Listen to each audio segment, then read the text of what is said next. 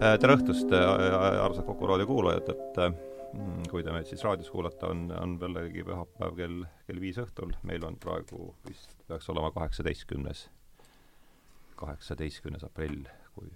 kalender meid ei peta. ja eetris siis järjekordne Tähenduse teejuhtide saade, täna on mul taas nagu ikka kaks saatekülalist, tere tulemast, Jaan Tammsalu! tere tulemast, Tõnu Õnnepalu, ja me oleme saanud kokku täna selleks, et rääkida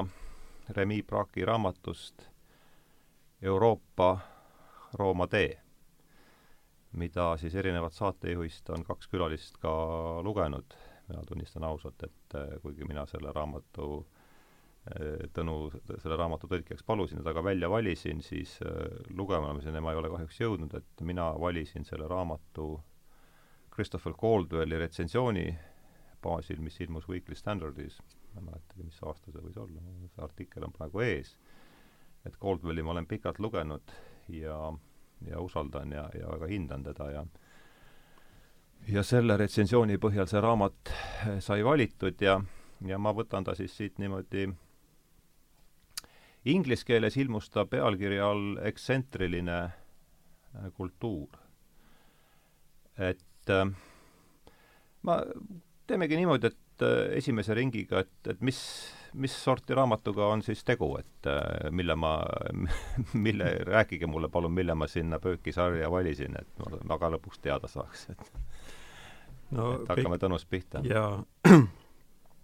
tere ka minu poolt. et kõigepealt see raamat on, ta ei ole mitte väga värske oma kirjutamise poolest, kuigi autor on seda ümber töötanud korduvalt ja korduvalt, et selles mõttes on ta küll värske aga tema esmakordselt ilmus juba aastal tuhat üheksasada üheksakümmend üks. Mhm. ja kui me asetame ta sellesse konteksti Euroopas, siis see oli ju teadagi, mis aeg. aa, just. ja see oli Euroopas niisugune no ühtepidi suur optimismi ja lootuse aeg, teistpidi noh, eriti siinpool, lääne pool võib-olla rohkem küsimuste ja nõutuse aeg jah, väga hea. ja, ja, ja seda, seda debatti nii-öelda, see, sinna aega veel langes või aega enne seda langes veel Maastrichti referendum, millele Remi Brakka viitab seal oma eessõnas või kuskil. ja, ja sellest Euroopast kirjutati kole palju siis ja see oli kuidagi veel noh, see oli kuidagi veel värske asi noh, eriti muidugi see laienemine ja üldse see küsimus, et mis see Euroopa ikka on ja ja, ja siis veel ma ei mäleta, kas, kas Türgit juba võeti Euroopa Liitu või veel ei võetud, aga, aga ma arvan, et kindlasti ka sellele juba mõeldi mm. -hmm. et kuhu see Euroopa ikka ulatub ja ja, ja ühesõnaga, see oli üks suur selline ühiskondlik teema ja, ja tema siis võttis sellest eh, kirjutada ja ta, ta ütleb ka, et, et sellest kõik küll kirjutavad Euroopast, aga tegelikult nad üldse ei kirjuta Euroopast, vaid vaid hoopis mingitest ennast huvitavatest asjadest selle nime all. ja, ja võttis kätte ja hakkaski siis eh, uurima, et, et mis, mis asi see Euroopa siis ikkagi on. et noh, ühtepidi see võib olla isegi nagu mõttetu küsimus, et et ega me mingisugust kindlat vastust sellele niikuinii ei saa, aga kui me selle asjaga tegeleme, siis me ikkagi peame ta enda jaoks määratlema. ta ei ole ka, on selge see, et ta ei ole ka kõik ja, ja ei miski, ta ikkagi, ikkagi midagi on. ja noh, siin on muidugi palju võimalusi, geograafiline, ajalooline, lähenemine, poliitiline, religioosne ja nii edasi aga tema, see Remi Praak ise on, on siis ajaloolane ja, ja, ja ja vanade keelte tundja ja, ja suur piiblitundja, tähendab siis just vanade Lähis-Ida keelte ja muidugi vana-kreeka keel ja ladina keel, need kõik on talle tuttavad. ja selline noh, ühesõnaga selline õpetaja-professor, et ta on niisugune tõesti selline professori raamat, kes võtab asja ette ja teeb selgeks ja, ja, ja kes viitsib selle läbi uurida ja lugeda, siis, siis saab ka asja natukene selgemaks võib-olla. et selles mõttes ta on ta ei ole igas tükis nüüd kõige kergemini kirjutatud, aga mitte ka raskelt. ta on siiski nagu selline laia, laiale publikule mõeldud raamat ja ma ütleks, et ta ei ole halb popularisaator. aga, aga ta ei ole selline lihtsustaja absoluutselt, see on ikkagi nagu tõsine,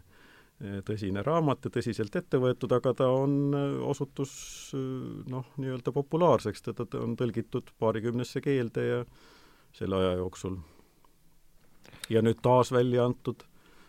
see Euroopa teema ju ikka jälle kerkib üles mingisuguses uues kontekstis. et ta no minu meelest ta isegi mõjub nagu jälle, jälle värskendavalt, kuigi, kuigi tuleb ühest, ühest juba teisest ajast. Noh, minu jaoks oli see raamat Euroopa Rooma tee põnev, sügavalt kirjutatud euroopluse juurtest, olemusest, sellestki, mille läbi suudaksime ehk või suudetakse ehk Euroopat või eurooplust säilitada. ja, ja minu meelest on tegemist raamatuga, mis on jah, ta on kergelt loetav, aga, aga seal on üks oht ka sees. sa loed ta kergelt läbi ja siis hakkad mõtlema, et mis on see põhiline, mis on see oluline. no mina olen lugenud ja lugenud, jooninud ja jooninud ja kui ma peaksin nüüd ütlema mingi kolme lausega asjad ära, siis seda kuidagi ei õnnestu, mees on ikka ääretu põhjalikkusega asja ette võtnud. nii et ei tasu seda raamatut karta, ta ei ole keeruline, aga ta nõuab süvenemist ja, ja kohalolekut, minu jaoks vähemalt küll äh ma võtan siit selle Caldwelli retsensiooni siis aluseks, et äh, ta kirjutab siin, et äh, et Praagi jaoks on Euroopa ja lääne tsivilisatsioon äh, sünonüümid. Ja kui ta siis küsib seda, et mis on Euroopa tsivilisatsioon, noh siis tavaliselt, mis meil tuleb ette, on siis vabaturumajandus, demokraatia, tehnoloogia, imperialism ka sinna hulka aga praegu ütleb, et need ei, et kui me üritame lääne tsivilisatsiooni läbi nende äh, defineerida, siis me oleme eksiteel, et teistel tsivilisatsioonidel olid need asjad kõik juba varemgi olemas. et ja ütleb, et Euroopa piirid on tegelikult äh, kultuurilised, noh see ka, eks ole, iseenesest ju ei ole tea mis nüüd äh, su suure hashtag'ga Eureka ilmselt, eks, aga, aga mis sa arvate sellest mõttest, et kas äh, olete nõus Coldwelliga siin või mitte? aga ma veel kord ütlen, et see siis ilmus, see, kes tahab seda retsensiooni lugeda, ilmus siis Weekly Standardis ja kannab pealkirja, ma kuupäeva siit ei näe, see on Euro, Eurocentrism on selle äh, artikli nimi, kus Kolbel sellest kirjutab nii. jaa, äh, noh, aga, aga põhiküsimus on just see, et mis... ta, ta isegi ütleb, et geog-, Euroopa piirid ei ole geograafilised, sest täna, tänapäeval ta ütleb, et Euroopa pigem võib-olla siis on äh, Ühendriikide idakallas, et sinna on see pealinn sisuliselt meil ju nihkunud, eks, vabandust, ma segasin selle vahele. Ehm, jah, nende, nende kõikide piir, piiride tõmbamisega on, on omad küsimused, kas need tõmmata geograafiliselt või äh, või, või kultuuriliselt, aga Praag siiski alustab geograafiast. Mhm. -huh. sel, noh, sel lihtsal põhjusel, et kui me räägime Euroopast, siis me ikkagi räägime ühest kohast maailmas. ja see ei asu Ameerikas ega Aafrikas. kuigi Euroopaga on, vaat on see, see, see mure, et tema on ennast laiali laotanud igale poole ajaloo jooksul ja, ja kandnud oma, oma kultuuri ja ideid ja võimu ja, ja hädasid ja, ja viletsusi üle maailma igale poole, nii et teda nagu võib leida ükskõik kust. aga kui me ikkagi tuleme tagasi selle juurde, mis on Euroopa, siis siis noh, on kuidagi mõistlik ja kainestav on ikkagi alustada geograafiast. aga see ei ole jällegi üldse mitte noh, geogra-, mitte geograafiast äh, võib-olla nüüd, kust jooksevad riikide piirid, no seegi on, on jälle väga küsitav, et kust noh, kus siis, mis, millised riigid jäävad Euroopasse, millised mitte. ja, ja selle juures minu meelest on väga äh, tähtis tema niisugune noh, tähelepanek või, või vihje, et, et et Euroopa on äh, gradatsioon ah.. et saab olla rohkem ja vähem Euroopas, ei ole sellist, et vaat siin ta lõpeb ja siin ta algab ja ka geograafiliselt on nii, et on on maid, mis, mis kuuluvad rohkem Euroopasse ja maid, mis vähem ja, ja mis puutub siis maadesse ja rahvastesse, siis muidu kõigepealt tuleb küsida neilt enestelt, et mida nad arvavad, et kas nad, kas nad kuuluvad Euroopasse või mitte, et ei ole vaja selliseid vägivaldseid anneksioone, et ja noh, muidugi maades inimesed ka arvavad erinevalt, aga, aga ütleme, noh, tegelikult kõnekas on, on näiteks kõneviis, kuidas räägitakse. Tema toob seal näiteks eh, Kreeka, noh, mis justkui mingis mõttes on ju väga Euroopa häll eh, nii mõnegi arvates, aga ateenlased ütlevad, et nad lähevad Euroopasse, kui nad sõidavad Pariisi või Londonisse või, või Berliini. Mm, -hmm. nii nagu meiegi siin ütleme Pariisis ega Londonis, noh, Londonis või jaa, seal võidakse küll öelda, et lähen Euroopasse, aga seal öeldakse ja, ja, ja, ja see on jälle veel, veel, veel üks jaa, eks ole äh,. aga, aga Pariisis ega Berliinis ei ole kuidagi võimalik öelda, et ma lähen Euroopasse. et seal öeldakse ka, et I never been to Europe. jah, just nimelt et äh, et nii ta on, noh, Kreeka puhul tuleb siin mängu tema ajalugu ja kuulumine hoopis Türgi impeeriumisse ja et see, see Vana-Kreeka, mida me justkui peame Euroopa hälliks, noh, seal on küsimus, kui palju see Uus-Kreeka on üldse selle, noh, ta muidugi on selle järeltulija, aga, aga see kõik on, ei ole nii otsene lugu. ja, ja teiseks muidugi ei ole mis on jällegi selline oluline aluspostulaat, tal ei ole sellist ühte allikat Euroopal vaid neid on ikkagi vähemasti, vähemasti kaks, kui mitte rohkem. no allikate juurde me tuleme peagi tagasi, et ole hea, Jaan, mis sina, mäletan, ma isegi ei mäleta enam, mis see küsimus oli, et no ma mm, tooksin aa, Euroopa piirid. jah, äh, Praak ütleb, et äh, seda, mida Tõnu, kes on selle raamatu suurepäraselt tõlkinud, juba ja, ütles, et, äh, et Euroopa on muutuv suurus. jah, ta on muutuv suurus, ta ei ole selline kuskile raiutud, et siin nendes piirides on kõik eurooplased. ei, sa saad ise valida. ja Euroopa Praagi jaoks tähendabki seda, et et sa saad ise valida, kas sa nendes Euroopa piirides tahad olla või, või sa ei taha olla, sulle ei sunnita seda peale, sind ei suruta põlvili, kui sa ei ole ja, ja, ja see lause jah, kuidas ta ütleb, et saab olla rohkem või vähem eurooplane, saab ka natuke sama Euroop... gradatsiooni mõiste, eks. just, just, et Tõnu seda kõike ütles, ma lihtsalt kordan nende samade tsitaatidega selle üle ja, ja, ja, ja mulle suureks rõõmuks ütleb Praak ka seda, et nii paistab kindel, et protestantlik maailm kuulub samavõrd Euroopasse kui katoliiklik. see on temast väga-väga suuremeelne, sest mulle tundub, et ta on ikkagi väga-väga katoliiklik autor ja, ja, ja, ja ta ei väsi rõhutamast, et äh, ladina kristlus või Rooma kristlus, noh, juba see pealkirigi, eks ole, on see, on see, mis on euroopalik ja,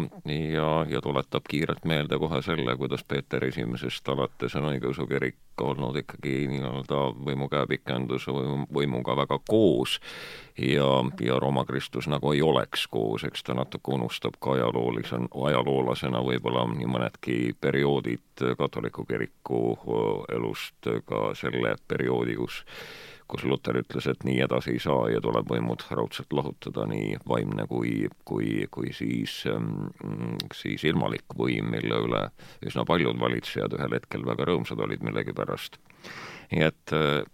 läheke kuskil natuke ka tendentslikkust minu meelest, aga, aga võib-olla see on minu vilets ajaloo teadmine jälle, mis, või liiga populaarteaduslik maailma teadmine, luterlaseks olemine, aga ta ütleb jah, väga selgelt seda, et nii paistab kindel et protestantlik maailm kuulub samavõrd Euroopasse kui katoliiklik, see on, tõlgid nii suurepäraselt nii paistab kindel. On ja ei ole ka, aga ikka on kindel. Paistab kindel, jah, see on päris hea, seda tuleks kasutusele võtta, see konstru-, konstruktsioon. ei, ta no on hea tõlkija. temaga on, on, on jah, niisugune lugu, et ta on tõesti katoliiklane, aga hea on see, et ta seda ei varja ja, ja on, ütleb selle välja paistab olevat kindel. paistab olevat kindel ja ja siiski ma ütleksin, et, et noh, ta on ikkagi selles raamatus rohkem nüüd ajaloolane ja, ja selline õpetlane kui nüüd eh, ühe konfessiooni kuulutaja, kuigi ka seda ta teeb. seal, eriti seal raamatu lõpupoole nagu kokkuvõtetes või ütleme, sellises tulevikuvisioonis ta näeb eh, katoliiklusel mingit teatavat rolli ja, ja mulle see meeldib, see, et ta noh, ühesõnaga ta ütleb, milliselt positsioonilt ta lähtub ja, ja aus, aus jah, ja ei keeruta ülearu mm. -hmm. et noh, kui me seda teame, siis me loomulikult loeme teatava Just. koefitsiendiga mõningaid väljaütlemisi ja ja, ja muuseas see noh, see tema noh, mis meile tundub noh, peaaegu tõesti naljakas, see lähenemine, et noh, et on, on, on võib-olla kindel, et ka protestantlik maailm kuulub Euroopasse, see jällegi näitab selle Euroopa noh, seda külge, et see Euroopa oleneb sellest, kust sa tema peale vaatad, kus sa ise oled. et, et tõesti sealt Pariisist või veel enam Roomast vaadates põhjapoolne protestantlik maailm, no see jääb tõesti kuskile maailma piirile. see on, see on ääre peal. see on juba hüperboor ja mingi luterlik Põhja-Saksamaa, oi, see on ikka kauge maa ja see, mis seal taga veel tuleb. no nii ongi. no nii on no me ei ole oma enda jaoks olen... maailma nabaga, jah. Äh, üks äh, pilt, mis, kui mina töötasin veel selles tornis seal äh,, aitäh äh,, kui mina töötasin selles tornis seal äh, SEB-s nimelt, siis seal kogu aeg jooksis see mingi ärikanal. ja kui sa, ma ei mäleta enam, mis see kanal, mis selle, mis selle ärikanali nimi oli, aga kui näidati Euroopa aktsiaturgude seda siis noh, kukkumist ja langemist? ei, ei absoluutselt, kaarti pigem, et noh, need punkt näitas turgu ja siis selle suurus äh, kapitali, kapitali siis ähm, noh, seal mahtu. siis kapitali mahtu, jah mm. -hmm. et no pärast Elbet on ikka täiesti igav liiv ja tühi väline. see on nii selgelt tuli mhm. sealt välja, et selles mõttes on see siin nagu haakub väga hästi sellega, mis sa kaardid, kaardid on kõnekad muidugi, kuidas neid joonistatakse. jah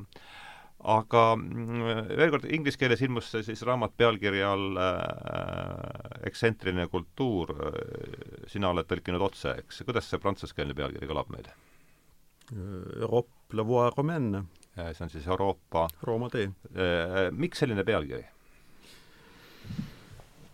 no sellest on, ma ütleksin, pool kui mitte rohkem raamatut. jaa, aga täpselt aga.... räägi sellest. inimesele, kes ei ole lugenud seda kahjuks. ja, ja, ja, ja peab hak-, alustama natukene kaugemalt. et eh, tema jaoks siis selle kultuurilise Euroopa, eh, kultuurilisel Euroop-, Euroopal on, on kaks eh, suurt allikat, üks on siis Kreeka, Vana-Kreeka mõttemaailm ja kultuur, ja teine on on Heebrea, nii nagu on siis äh, kristlikus pühakirjas on need äh, kaks, kaks poolt, on see Vana Testament ja, ja Uus Testament mm. -hmm. see on kesksel kohal, eks ole, see, see vastandus seal raamatus, nii palju kui ma saan sellest retsensioonist aru, või ei? ta, Uue ta, Testamendi ja Vana Testamendi vastandus või ta või, ei või... ole vastandus absoluutselt, ta just ei väsi rõhutamast, kuivõrd need mõlemad vaba, vabandust, jah, just nimelt, tema on see sünteesi. kuivõrd need ja, mõlemad kuuluvad just, lahutamatult just. Äh, sellesse, sellesse Euroopasse, mis meil nüüd on, aga, aga no geograafilises mõttes nendest ühe sünnikoht ei ole vähimalgi määral Euroopas mm. -hmm. ja, ja üleüldse see, kui me räägime kristlikust Euroopast ja, ja, ja noh, see noh, me ei saa sellest mitte rääkida, kui me räägime Euroopast, siis kristlus kui religioon sündis ju väljaspool seda, mida me nimetame Euroopat, Euroopaks. Ja ka levis kõigepealt pigem noh, levis ta nii siia kui sinna, aga aga, aga on väga ekslik öelda, et kristlus on Euroopa religioon kristlus on, kristlus on Aasia, Lähis-Ida, Aafrika, mm, ütleme, kõige, kõige varem, varasemad kristlikud konfessioonid asuvad või asusid ja asuvad siiamaani väljaspool Euroopat. aga nüüd, milles siis toimub see süntees ja, ja, ja, ja see, see kristluse sünd ja noh, mingis mõttes siis ka, ka selle tänapäevase Euroopa sünd toimus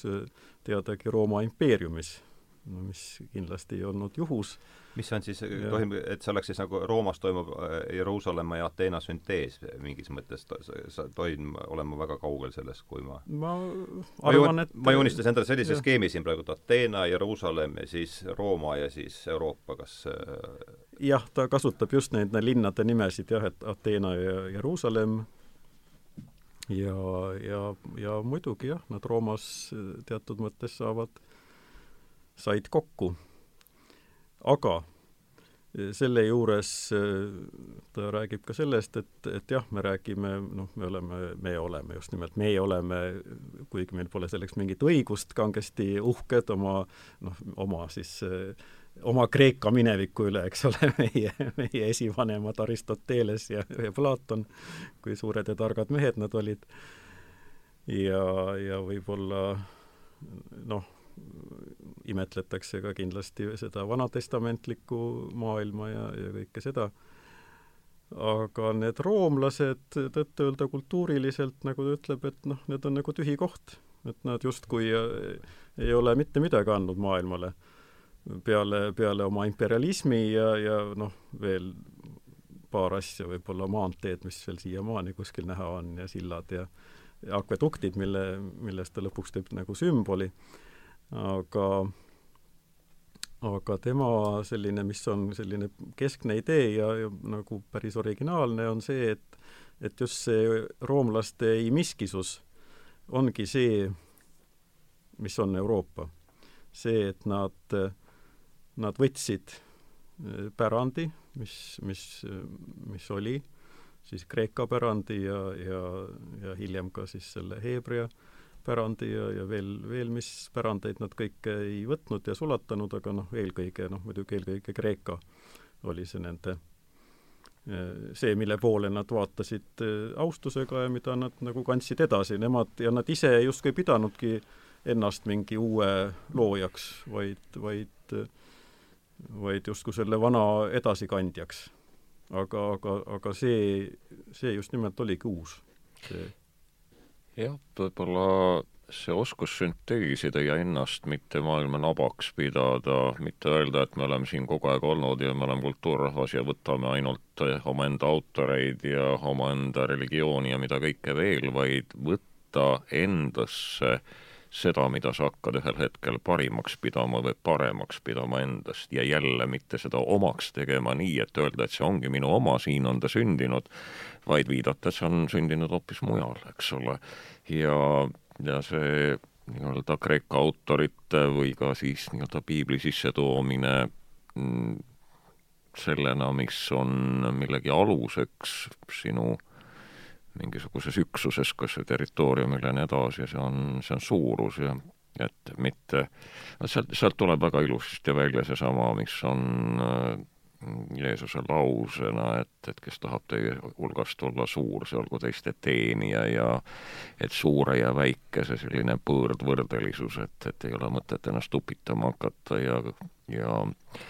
ja võõraste sulgedega ennast tehtides öelda, et need on mu enda suled, vaid öeldagi, et näed, mul on suled, aga need on need teise suled ja need on väga ilusad ja üldiselt soovitan ka teil kanda, kui niisugune lihtsamaks minna. kuigi küsimus ei ole sulgedes, vaid sisus jah, üks asi, kui ma, ma saksa keelt hakkasin õppima, siis ma sain aru sellest, et selle ja, ja Koolvel toob siin oma retsensioonis ka selle, et et kui erinevad on keeled, kui erinev on see rei-, kui oluline on see Reini jõgi ikkagi, et eh, noh, saksa, inglise, noh, prantsuse keelega mul ei ole olnud pistmist, aga, aga et noh, sõnatüved ja kõik on ikkagi väga-väga palju erinevad ja see liimes elab nagu siiamaani, kuivõrd keeled on erinevad, siis on mõtlemine erinevad ja see ja, ja Caldwell kirjutab ka selles retsensioonis siin, et me näeme selle liimese mõju isegi siin praegu ta toob konkreetselt välja siin Saksa jah, siin on juttu kahe tuhande, see on ammu ilmunud siis järelikult kahe tuhande teise aasta Saksa üld, vedera-, üldvalimistest, kus noh, ikkagi äh, äh,, Rooma piir siiamaani jaotab ikkagi maa kahte, laias laastus kahte lehte, et mis, et see, kas selle mõttega haakub midagi? jah, nendest keeltest ta, ta räägib ka siis nimelt seda, et et jällegi on, on, on midagi väga sellist roomlikku või ladin, ladinlikku selles nimelt, et meil siin Euroopas on nii palju keeli. et oleks võinud väga hästi ka noh, küll, küll suur tükk Euroopast, see, mis sinna Liimese või Rooma riigi piiresse jäi, suur tükk sellest ladiniseerus, need on siis need romaani nüüdsed keeled, aga aga, aga see ei ole ladina keel ja see ei noh, see ladina keel oli küll administratsiooni ja riigikeel, aga aga kunagi ei, ei tehtud katsetki nüüd nagu mingit keele kuidas seda nüüd siis öelda, ümber, ümberkeelestamist läbi viia või jaa, ja just nimelt, et siis edaspidises nüüd arenguloos, kui me räägime sellest kristlikust kultuurist ja, ja täpsemini pühakirja tõlkimisest, kuigi pühakiri oli pikka aega Euroopas siis noh, vastavalt kas kas kreeka või ladina keeles põhiliselt tarvitusel, siiski juba, juba väga varasest ajast peale hakati teda tõlkima ka germaani ja siis keldi ühesõnaga nendesse, nende, nende rahvaste keeltesse, mida ei äh, ei peetud tegelikult halvemaks ja, ja, ja, ja jällegi, mis mõttes? selles mõttes, et see ladina keel, mis oli siis nagu impeeriumi keel, ei pidanud ennast paremaks, kuna parem keel oli ikkagi kreeka keel, see oli kultuurkeel. Ladina keel oli ise ka nagu teisene keel mm -hmm. ja, ja nagu tõlkekeel, et et selles mõttes noh, see, see idee, et, et keeled äh, noh, kui nad ei ole just siis tõesti pühakirjakeeled või, või klassikute keeled nagu kreeka keel või heebrea keel, et noh, neil ei ole vahet, seal ei ole, üks ei ole parem kui teine, parem kui teine. aga see, seevastu siis selles Bütsantsi või Kreeka maailmas, mis oligi kreekakeelne, seal, seal oli selge, et homogeensem oli keeleliselt jah? jah, et, et see, see on ikkagi ainus õige keel. ja, ja seal ei olnud ka sellist, mida ta rõhutab noh, neil ei olnud vaja tõlkida näiteks siis Kreeka klassikuid, sellepärast et need olid nende keeles juba olemas Nad ja pidanud mõtlema sellele enam. jah, jah, ja, ja, ja üldse see arusaamine tõlkimise vajadusest ja see see oli hoopis teine, ühesõnaga see enda, enda positsiooni tunnetamine, et see enda tunnetamine, nagu sa ütlesid, alamana või väiksemana, et see on väga kasulik lõppude lõpuks ka veel väiksematele kasulik. jah kui sellega jälle liiale ei minda väga, ma kujutan ette, nagu no iga asjaga, eks. ei, noh, see ei pea olema mingi poos ja, ja see ei olegi noh, ajaloos ega siis seda nii otseselt ei olegi alati ju mõeldud, aga see on mingi, mingi alateadlik hoiak või, või arusaamine lihtsalt, mis on asjade taga, noh, roomlased olid lõpuks ju igavesti uhke rahvas ja ega, ega nad ennast nüüd nii väga väikseks küll ei pidanud, aga aga, aga just, mis puutub keelde, kultuuri ja sellesse pärandisse, siis seal oli neile selge, et, et ei, muidugi meie mis ei, nüüd meie, eks? jaa, mis nüüd meie, jah, jah, jah. meie viime seda edasi, meie ehitame teid ja sildu ja kanname seda Kreeka kultuuri või, või ühesõnaga seda klassikat ja tarkust siis igale poole kuni maailma otsteni välja. Aga see ei ole meie oma, vaid meie oleme ka selle saanud, meie oleme need vahendajad. et see uhkus ei vii, uhkus viib upakile, öeldakse, või ajab upakile, et, et võib-olla siin ongi autoril natuke, ta ei ütle seda otse välja, aga kuidagi, kuidagi, kuidagi natuke teistmoodi, et et see, kui sa hakkad ennast väga maailma nabaks pidama, siis sa oled ühel hetkel seljal ja sind võib-olla järgmisel hetkel enam ei olegi. selles uhkuses lähed sa iseennast nii täis, nii nagu kunagi Arvo Pärt ühele, ühele noorele lauljale, kellega nad tulid paavsti juurest äh, paavstile laulmast meie isa palvet oli tee peal pidevalt öelnud, et ära mine uhkeks, et kui sa lähed uhkeks, siis sa lähed ennast nii täis, et äh, jumal ei saa enam midagi head sinusse panna ja, ja siis oledki tühi õhku täis kott. et mine kirikusse, süüta küünal ja ole tänulik. et, et see uhkus või see uhkuse puudumine ja, ja, ja siit tuleb üks lause veel, mida, mis mõned, mõned, mõnesid raadiokuulajaid ka ikka veel vihastab, et erinevus rikastab.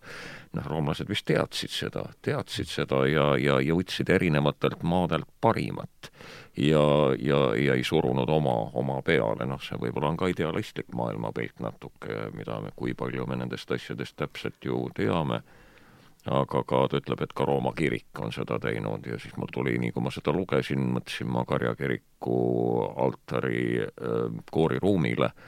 kus on paganlikud sümbolid täiesti olemas, et, et ta võtab, sünteesib, ta ei lükka kõrvale Mm, ei ütle, et antiiksed autorid või, või antiiksed jumalad, äh,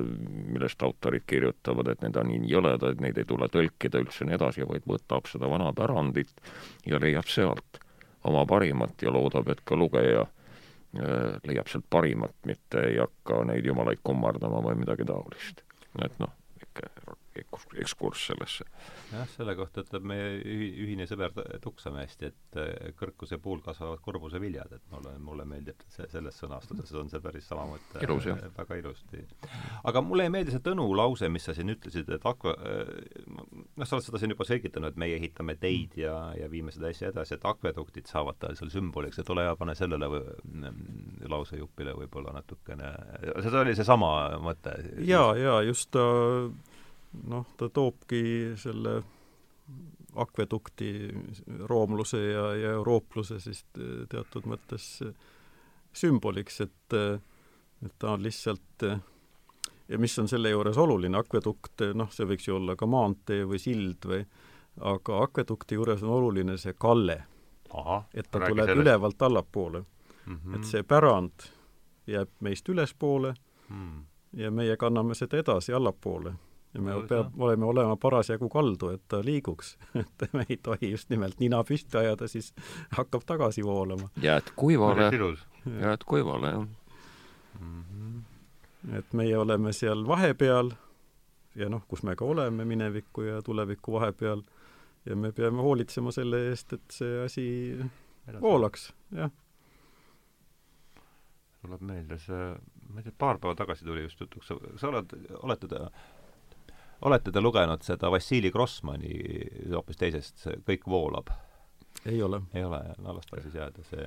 lihtsalt tuli, tuli sellega seoses meelde, et taha siin nagu tõmmata seda uut teemat sisse, aga ma lihtsalt nii palju lihtsalt lisaksin, et äh, Praak kirjutab ka sellest, et äh, et seesama Rooma tee on ka see tee, kus võetakse Araabia maailmast, Araabia maailm omakorda vastupidist ei tee. aga seda, võetakse Araabia maailmast ääret, ääretult ja, palju ja, ja, ja, ja ei salata maha, et see sealt pärit on. et seegi on allapoole, allapoole laskumine selleks, et midagi vastu võtta jah, see muidugi on nüüd juba ajaloos siis tükk maad edasi, kui ei olnud enam Roomat õigupoolest olemas, kuigi, kuigi seda on ka ajaloolased öelnud, et ega ega Rooma ju kunagi ei lõppenud, ei olnud seda päeva, kus lõpetati Rooma riik ära, noh kuigi tõmmatakse teatud piire, kui tema Belovežia lepingut ei olnud. Jah, ära lõppes, aga aga kaasaegsete jaoks ta mingis vormis ikka kestis edasi ja, ja noh, vähemalt ma ei mäleta, mis see aastaarv oli, aga vähemalt vähemalt kuni viimase, kuni viimane Austria keiser ennast veel võis, võis selleks Saksa-Rooma või Saksa rahva Rooma riigi, kuidas see oli, selle, selle keisriks nimetada, ühesõnaga see idee asi, elas edasi? idee elas, elas inimeste jaoks edasi ja noh, muidugi ladina keel ja kõik see, see, see asi. aga, aga araablased tulevad mängu muidugi jah, palju hiljem ja õigupoolest äh, õigupoolest äh, ta toob siin araablasi muidugi ka just nimelt eeskujuks, et nemad olid või noh, positiivse näitena äh, selles mõttes, et nemad olid need, kes hakkasid huvi tundma just nimelt Kreeka pärandi vastu ja seda tõlkima araabia keelde. Ja, ja siis jällegi keskajal jõud, jõudis ta, jõudsid paljud, paljud tekstid ju araabia keele kaudu. ja, ja kas Aristoteles tuli valdavalt araabia keele kaudu või? ma ei oska seda öelda, kui noh, eks neid lõppude lõpuks noh, Bütsantsis ju säilis ikkagi ka seda Kreeka käsikirja, noh tegelikult eh, seda materjali, mis nüüd ainult oleks säilinud araabia keeles ja sealtkaudu seda siiski, ma saan aru, ei ole nii palju. aga on, on küll tekste ja fragmente, mis, mida tõesti, kus ainukene nagu, mis ongi tagasiviidavad ainult ühele mingisugusele araabia tõlkele ja kus originaali nii-öelda ei ole enam kuskilt võtta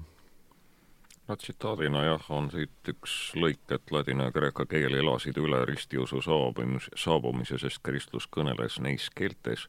islamiseerinud religioonides, aga sundis araabia keel kreeka keele taanduma ja surus süüria ja kopti keeled tasapisi vaid liturgiakeelseteks keelteks või siis kohalikeks dialektideks mm. -hmm. siin on see, see keelte pool on jälle esile toodud väga elusasti, kuivõrd erinev oli suhtumine. jah, jah, just nimelt, et araablased küll tõlkisid, noh, see oli üks periood, kui nad tõlkisid, siis, siis neil ka see ind vaibus, aga aga ka see niisugune, see Araabia, Araabia kevad võib öelda, aga noh, see on ajalooline,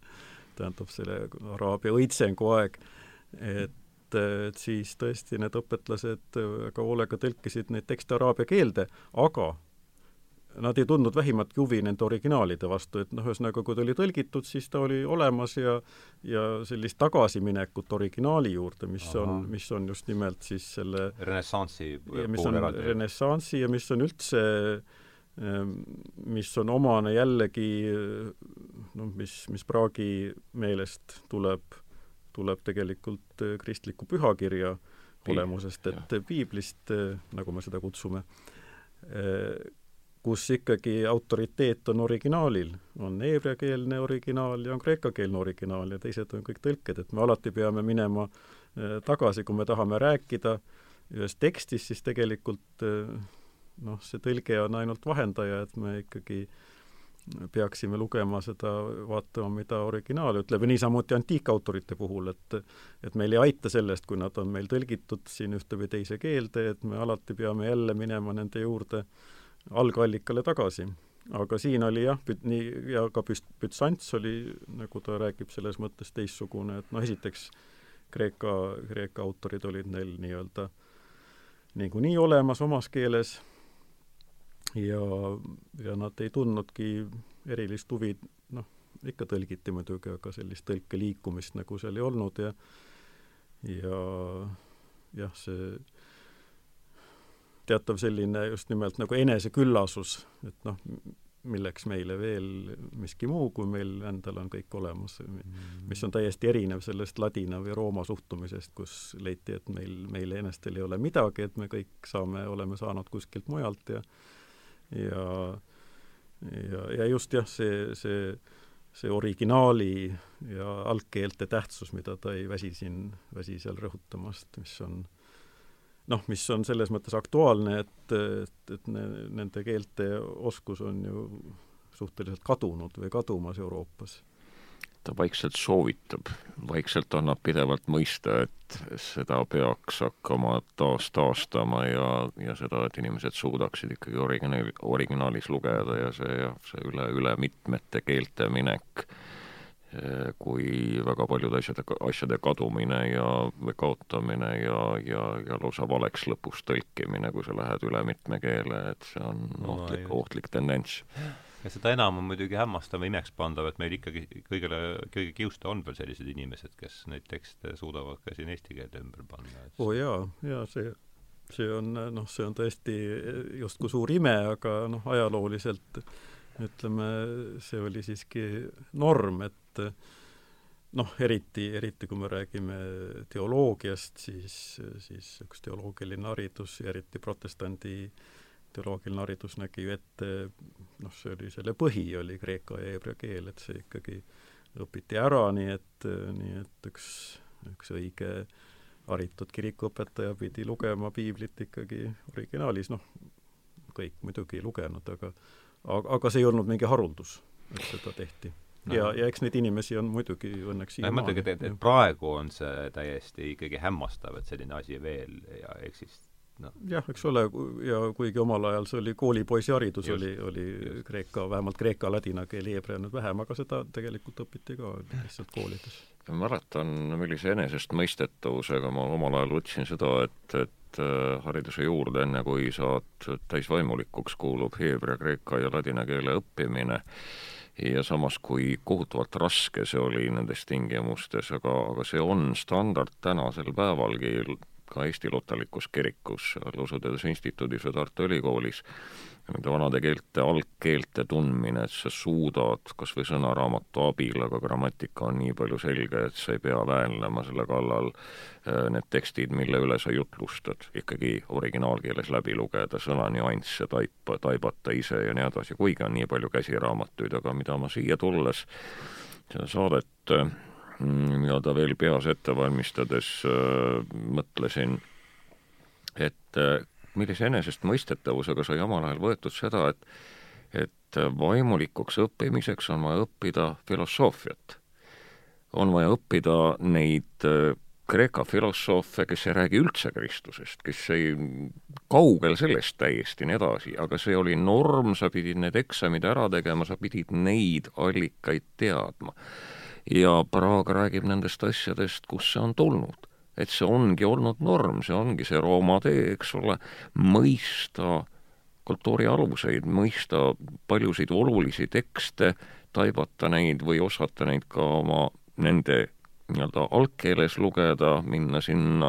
kummarduda sinna allikale, mitte lihtsalt äh, lasta kraanist mingit vett, mis on juba nii-öelda ära steriliseeritud ja nii edasi. aga ma ei, ma ei ole tol ajal mõelnud selle peale, see oli lihtsalt nii, et ma teadsin, ma pean need kõik eksamid lihtsalt ära tegema, ma pean need raamatud läbi närima ja nii edasi aga, aga täna seda Praagi lugedes ma saangi aru, et, et ongi käidud Rooma teed mööda rahulikult ja ei ole kahtlusega alla seda seotud. tänapäeval juba öeldakse, milleks heebrea keel, milleks kreeka keel, lähed sinna maakoguduse, maakogudusse tädide juurde, eks ole, ja mis sa selle heebrea ja kreeka, kreeka ja ladina keelega ja, ja filosoofiaga teed seal, räägid lihtsate sõnadega, aga, aga see vundament peab olema tugevalt all ja mäletan, kuidas ma suurte silmadega Marju Lõpuaia tundides Tartu Ülikoolis suure poisina käisin, olin, õpingud olid pooleli jäänud ja tuli sealt kuskilt keskelt jälle alustada ja siis juba ülikoolis. et tõeliselt hämmastavaid inimesi, kes oskavad algkeeli. on, jah. aga kas, kas te Šestovi, Ateenat ja Jeruusalemma on kumbki teist? See vist on nüüd eesti keelde ka tõlgit-, tõlkimisel praegu, ma saan aru. jah, ma ei teagi nüüd seal, kui ma, kui ma tõlkisin seda raamatut, siis ma vaatasin, et ta on justkui tulemas, aga ma ei, ma ei tea, kas ta on tulnud või ei, ma ei ole lugenud. lugenud ei ole, kumbki ei ole, et see oleks selles mõttes nagu ei loe kõike originaalis enam ei kästa. kuigi see originaal on meile tõenäoliselt kättesaadavam kui, kui, kui mõni muu, eks, et aga no me oleme siin, veel kord ma nüüd seda saate struktuuris, ma lähen siis praegu seda Coldwelli eh, retsensiooni pidi, ta ütleb siin, et siis eh, Praagi kohta, et Euroopa situatsioon on seega sekundaarne eh, siis ka, me oleme sellest juba ette, ette, ette ulatavalt nagu rääkinud, et ta on sekundaarne kahes vallas, kultuuriliselt on ta siis äh,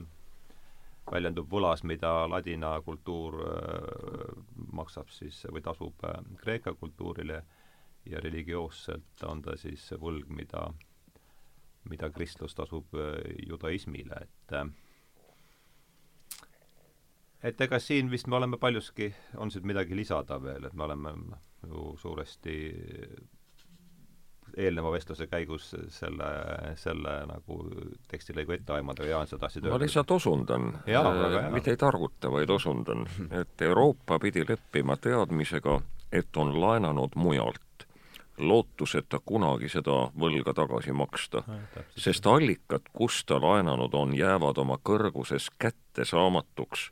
ületamisest rääkimata. see on jälle see kaldemotiiv. jah, lehekülg kaheksakümmend neli. jah, jah. Tõnu, midagi siin? jah, võib-olla noh, see, see Kreeka teema on kuidagi nagu meile kultuuriliselt iseenesestmõistetav või noh, see on selline, selline käibetõde, et, et jah, Euroopa kultuuriallikad on seal kusagil Kreekas, kuigi tegelikult see ei ole üldse iseenesestmõistetav, sest noh, me siin rääkisime, et kes seda kreeka keelt nüüd enam oskab ja ja, ja mis meil siin kelkida sellega on. aga, aga see teine, see heebrea pool on võib-olla vähem, nagu vähem mõistetud ja, ja see on ka, millest ka Praak kirjutab, see on tegelikult läbi kiriku ajaloo olnud küsimus et, et kui palju üldse see Vana Testament on meie, meie pühakiri ja kas me noh, kas see ei ole mitte ületatud Uue Testamendi poolt ja kas me, ja siin on see markionism, mida sa siin alguses mainisid, markion oli, oli, oli siis jah, selline eh, seal algaegadel, kristluse algaegadel oli, oli, oli selline õpetaja, kes, kes väitiski, et et see Vana Testament on aegunud mm -hmm. uue, uue, uue tulles. aga noh, kiriku ajaloos ja kiriku isade poolt see mõtteviis heideti kõrvale, aga ta on ikka jälle tagasi tulnud, et see ei ole, selles mõttes ta ei ole kunagi päriselt kadunud, et, et tõepoolest see on, see on niisugune, see on küsimus, tõepoolest küsimus ja see ei ole, see ei ole selline küsimus, mis oleks noh, kuidagi igaveseks ära vastatud, see tuleb kogu aeg jälle vastata, et kas jah, need, selge see, et need, need on kaks väga erinevat Äh, noh, õpetust ja allikat, need äh, Uus ja Vana Testament, et mi-, mingis mõttes muidugi Uus Testament räägib Vanale vastu ja, ja nagu kummutab äh, sealt mingeid asju, aga aga, aga millegipärast on, on siiski kirik pidanud vajalikuks seda vana edasi kanda ja säilitada ja ja ja noh, igal juhul on, on see siis sellest, sellest saanud ka üks, üks allikas selle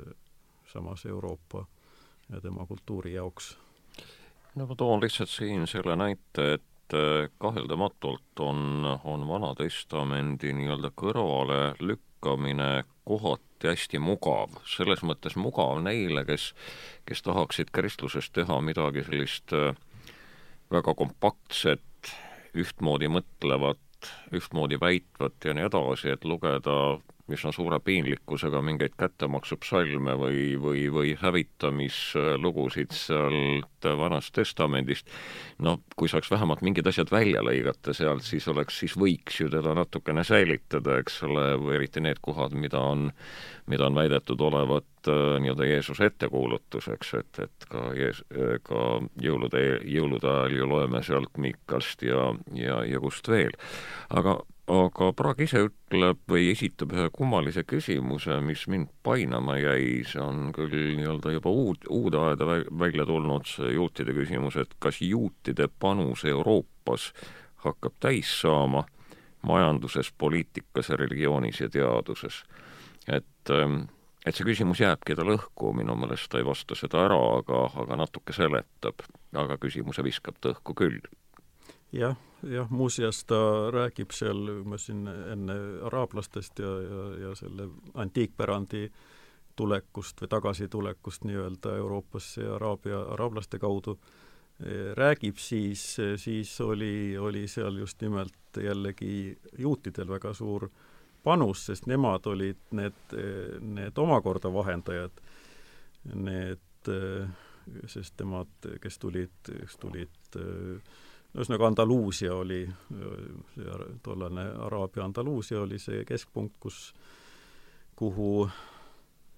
kuhu, kuhu põgenes eh, juute, ma ei mäleta enam kust, aga, aga igatahes nemad olid need, kes kes, kes aitasid tõlkida tegelikult araabia keeles siis kas ladina või, või mõnda rahvakeelde nii-öelda eh, neid, neid antiiktekste et, et taaskord eh, nad mängisid seal niisugust eh, tähtsat kultuurilist rolli ja, ja, ja, ja, ja mingisuguse niisuguse teisena siin Euroopas on nad olnud kohal jah, läbi ajaloo, aga, aga, aga millest ta, millest ta kirjutab, et tõepoolest pärast teist maailmasõda see, see kohalolek on jäänud teadagi, jäänud aina, aina väiksemaks kuigi panganduses ei saa selle kohta vist nii väita, aga aga no ütleme, hüpotees on see, et enamik meie kuulajatest, nii palju kui neid on, ei ole teoloogid, et ma arvan, et ei ole liigne, kui me nüüd räägiks paari sõnaga Uuest ja Vanast Testamendist, et mis seal siis see põhiline erinevus on, et võtame siin selleks võib-olla kümmekond minutit vähemalt, et hakkame Jaanist siin pihta, et kuidas sa selgitaksid äh, inimesele, kes pole teemaga kursis, sa võid mulle otsa vaadata seejuures. Äh, ei, see on sa oled leeritatud inimene, mis sa siin, mis sa siis ikka see vastab tõele. aga, aga ütleme siis nii, et äh, minu jaoks on see nii, et et äh, kui Jeesus võtab kuidagi käsuõpetuse ühest küljest ääretult lihtsasse lausesse, aga väga keeruliselt täidetavasse lausesse, et et seda võiks kokku võtta siis sõnaga armastage, armastage Jumalat üle kõige ja kõigega, mida ta teile on andnud ja, ja oma ligimest nagu iseennast, siis äh, juttidel Vanas Testamendis ja, ja sealt edasi juba ka, ka selle tõlgendustes läheb see käskude ja keeldude nii-öelda rida nii meeletult lõputult pikaks, et sinna võib lihtsalt ära uppuda või seda peaks ikka väga-väga hästi tundma, et et, et sealt välja vingerdada, et kus on juba sammude arvgi nagu paika pandud, mida sa mingil hingamispäeval käia võid või nii edasi, küll nende tõlgendustes, et et võib-olla, võib-olla see võiks olla see vahe, et, et Kristus tuleb inimkombel, see on see inkarnatsiooni küsimus, mida, mida, mida ka Praag väga palju rõhutab siin oma, omas, omas raamatus, et ta tuleb lihalikul kujul, ta tuleb inimesena, ta kõnnib kahel jalal, liigutab käsi, suud, silmi ja nii edasi, ja näitab inimesele et inimesena on võimalik elada nii, et see on inimväärne elu. ta näitab elamise võimaluse ette ja ja, ja sealt tuleb veel edasi see, mida Praag väga rõhutab, see, et, et siit tuleb see inimkeha austamine, et see ei ole nii, nagu kuskil Kreeka tekstides osades on, et see on lihtsalt selline ajutine ulualune ja see tuleks nagu kõrvale visata, kui, kui kõlbmatu ja ongi hea, kui tast lahti saab ja nii edasi, nii edasi, vaid ta ta toob nii-öelda selle mõtte sellest, et see kõik, mis meile on antud, on, on midagi, millest, mille eest tuleb hoolt kanda, mida tuleb austada ja nii edasi. võib-olla Vanast Testamendist on lihtsalt võimalik välja nii-öelda võtta tahtmise korral hästi palju ka sellist noh, sõjakuse,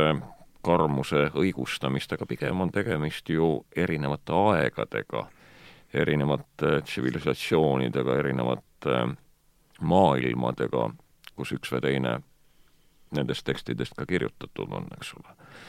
et millele on tähelepanu pööratud, et ühest küljest ütleb Jeesus, et ei ole ühtegi, ühtegi tähtegi tulnud Vanast Testamendist kõrvaldama või sellest vanast õpetusest ja seadusest. aga olemuselt on nad ikkagi väga-väga erinevad, et kui Vana Testament kuskile väga kokku pigistada väikeseks ja, ja, ja Uus Testament, siis nad on ikkagi piltlikult üpris, üpris erinevad hoiakud elule ja, ja, ja inimesele ja, ja ja seadustele, hoiakutele ja nii edasi. noh, ja võib-olla selgituseks eh, nimelt kuulajale, nagu ajaloolises mõttes on ju ikkagi nii, et see eh, kristlik õpetus ja siis uus, selle, selle, selle pühakiri Uus Testament on tulnud Vana-testamendi pinnale, et see vana, mida meie kutsume Vanaks Testamendiks, aga siis Hebra pühakiri kujunes välja ikkagi aasta tegelikult tuhandete jooksul, noh, mitte, mitte nüüd, et need tekstid oleksid nii ammu kirja pandud, aga aga ka kirja pandi neid aastasadade jooksul. aga seevastu äh, seevastu siis äh, Uus Testament või siis spetsiifiliselt kristlik pühakiri, see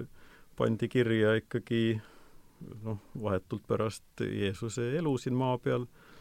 Ja, ja, ja noh, peamine, õigupoolest siis peamine, peamine kristlik autor õigupoolest on ju äh, Apostel Paulus, kes, kes mingis mõttes selle selle Kristuse või Jeesuse õpetuse vormistas religiooniks ja, oma, oma kirjades mm. -hmm. ja, ja see kõik toimus äh, ikkagi lühikese aja jooksul, seal siis nüüd nii-öelda meie aja arvamise alguses, noh, need evangeeliumid ja ütleme, evangeeliumid arvatakse küll ei ole nüüd vahetult pärast, pärast Jeesuse maapealse elu lõppu kirja pandud, aga, aga ikkagi ütleme sajandi jooksul pandi see pärand kirja ja ta pandi kirja kreeka keeles, sest kreeka keel nimelt oli, oli selline rahvastevahelise suhtlemise keel seal selles äh, Lähis-Ida maailmas ja üldse Rooma riigis. Ladina keel võis küll olla riigi, noh, ütleme riigi võimukeel, aga aga kreeka keel oli kaupmeeste keel ja oli, oli kultuurikeel ja ühesõnaga ta oli selline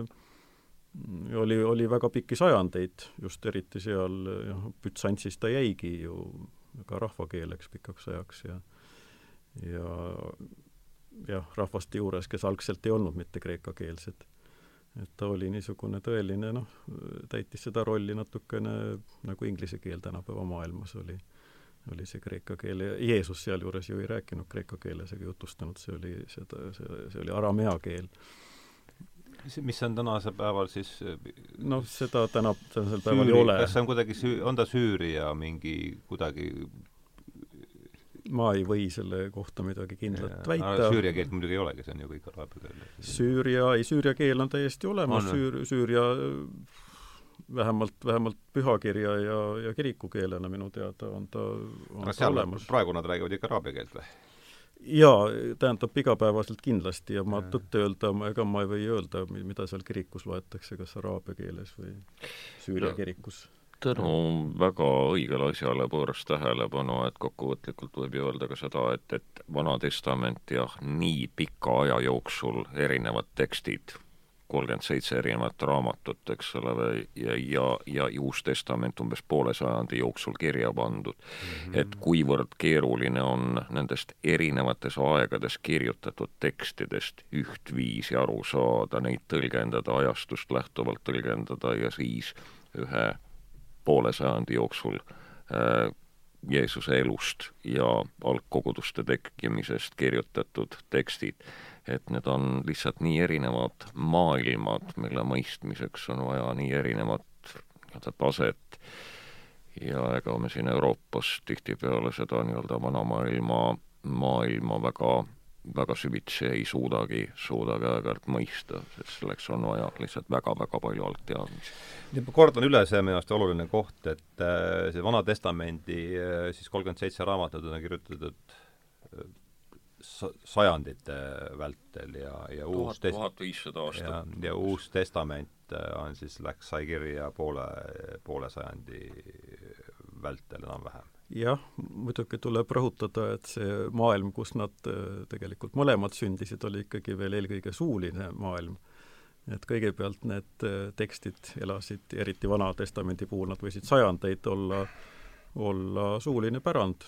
ja, ja nii see oligi ja, ja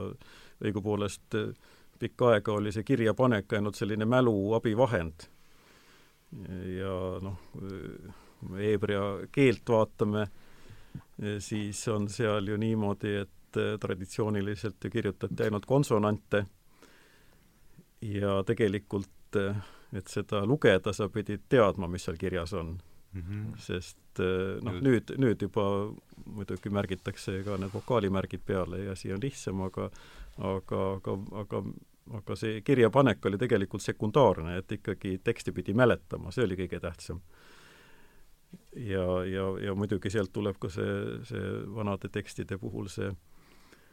see asi, et ega me tihti nendest, me ei teagi, kas me saame igast kohast õigesti aru või ei saa, Vana Testamendi need, need kõige vanemad käsikirjad,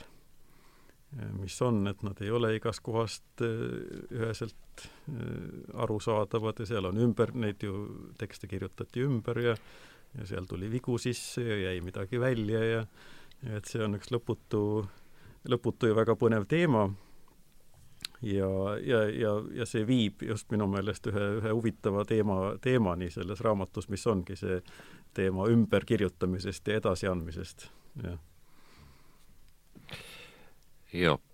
võta, võtke või üks väike asi Vana-testamendi algus ehk kogu piibli algus, kus on, lõpeb maailma loomislugu umbes pooleteist leheküljega ära ja siis hakkab uuesti maailma loomislugu pihta. ehk siis on kaks erinevat erinevat lugu erinevate versioonidega, ühes luuakse kaks inimest korraga, eks ole, ja teises luuakse ühest inimesest teine inimene. see ongi suulises pärimuses on kantud edasi erinevaid lugusid või erineval viisil neid lugusid ja piiblisse kirjutajad ei ole häbenenud või Vana-testamendi kirjutajad ei ole häbenenud panna kahte veidi erinevat lugu ilusasti kokku, et see näitab suurust, avarust ja nii edasi ja seda, et nad on suulises pärimuses pikalt, pikalt kandunud. aga tõlkeküsimus on huvitav ja sinna tasub tõesti sukelduda praegu praagi mõtete juurde kui ma seda oma seda konspekti Inimene ja loom kunagi kirjutasin, siis oli, avastasin enda jaoks seal sellise põhjapaneva vaidluse, nagu oli siis Pelagiuse ja ja Püha Augustinuse see debatt siis pärispatu küsimuses, et, et see, kui ma seda Coldwelli, Coldwelli retsensiooni lugesin, mis noh, mis on mul tänase selle jutuajamise struktuuriks või selliseks no ikka struktuuri annab ette, et et ma arvan, et see, kus mul tõsiselt läks huvitavaks, oligi see lõik, kus tuli juttu see põhimõtteline vaidlus siis ühelt poolt, ma nüüd need hääldused, Marki on siis ühelt poolt ja Ireneius oli ta, jah. et palju me nendest teame, et mis, milles see vaidlus siis seisnes, rääkige palun see lahti, mille üle nad, mille üle nad mil-, millest jutt käis üldse? no see, mida, nagu ma viitasin, kui ma nüüd õigesti mäletan, see markionism oligi, oligi, või noh, markioni õpetus oligi sellest ühelt poolt, et see Vana Testament on aegunud, selle võib kõrvale heita, ja ta tegi ümber ka vastavalt Uue Testamendi, sealt puhastas ära oli agar toimetaja, ma saan aru? hebreanismid. jah, ja, ja, ja teiselt poolt teiselt poolt võib-olla mis, mis, mis oli ka selleaegne üks niisugune suur vaidlusküsimus, oligi see, see, millest sa ka juba rääkisid, see inim, inimkeha äh, küsimus või inimese küsimus üldse, et kas, kas inim, inimolend on väärtuslik või ei ole, kas, kas, kas inimkeha on,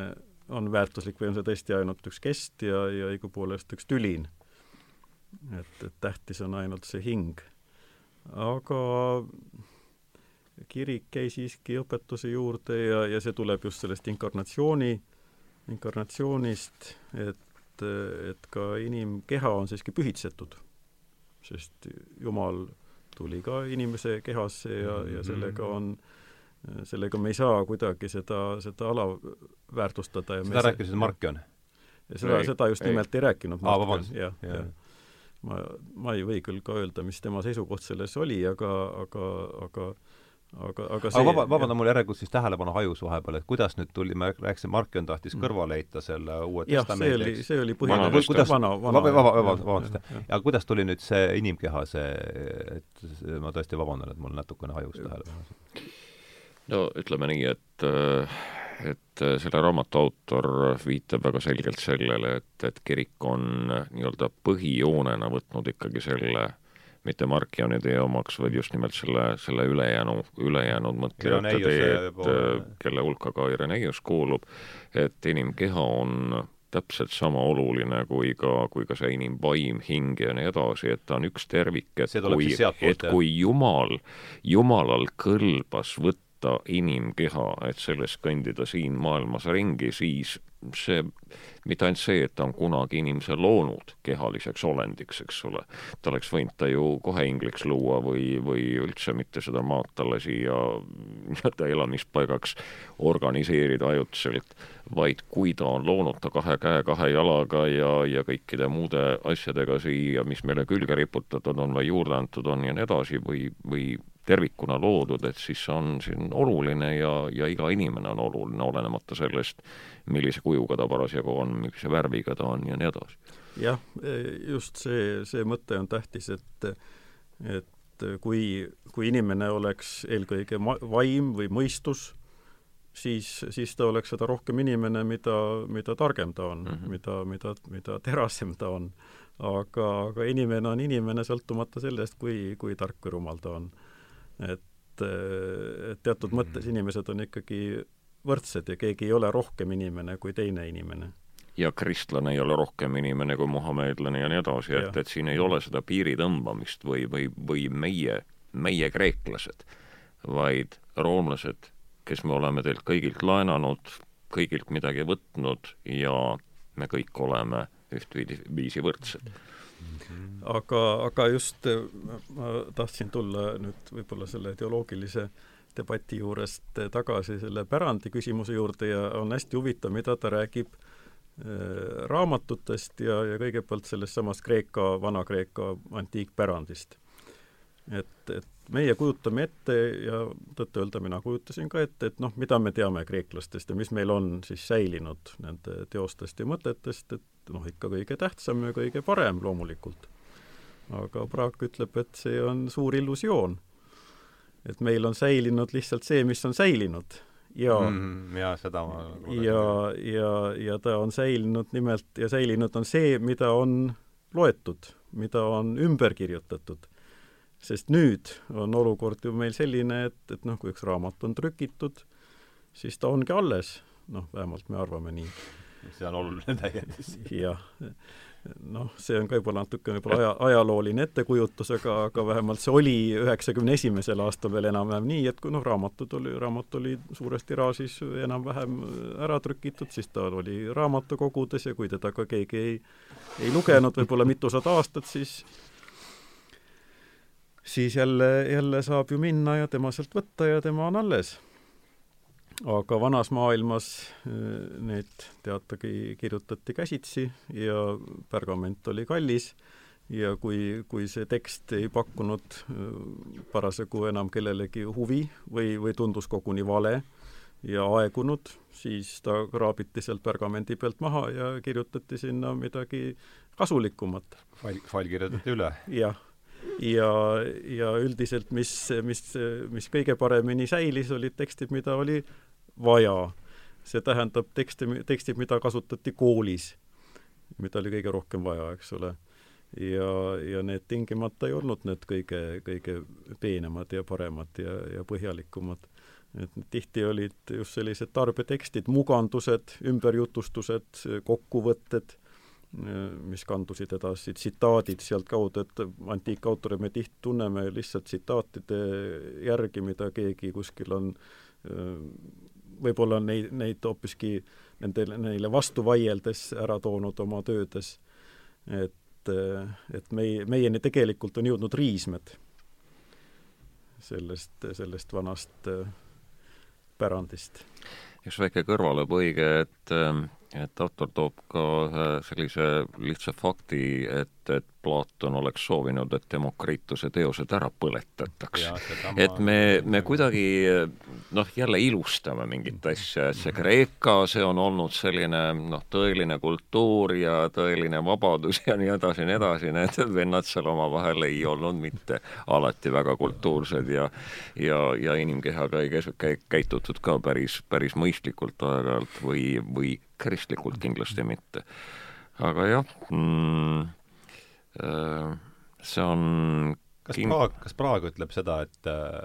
et toob selle sama, et ta toob näite, jah. ja ta toob selle ja, näite, jah, just, just mujal. täna hommikul raamatut üle lugedes avastasin selle, et ma ei mäletanud seda, seda, et see nõndapidi on juhtunud, aga aga see on ka jälle kaugele vaatamise oletus, aga, aga jah, ja ta toob selle näite tegelikult äh, mingis mõttes nagu vastunäitena, et, et kui me räägime raamatute hävimisest ja kadumisest, siis, siis tihti seda mõeldakse väga dramaatiliselt, noh, Aleksandria mm -hmm. raamatukogu põlemine, millele ta viitab kui millelegi, mis, mida võib-olla pole kunagi toimunud, aga ühesõnaga, et see see niisugune otsene hävitamine on tegelikult olnud suhteliselt äh, tühine nende tekstide hävimise juures, peamine hävitaja on olnud huvipuudus mm. -hmm. Ja, ja ütleme, moodide muutumine, mõttemoodide, moest väljaminek, et äh, see niisugune noh, ja aga, aga just, et on olnud ka tahtlikku hävitamist, just konkurentide, teisitimõtlejate teoste tahtlikku hävitamist, aga see ei ole olnud üldiselt väga efektiivne. et noh, konkurentidel on omad järelkäijad jälle, kes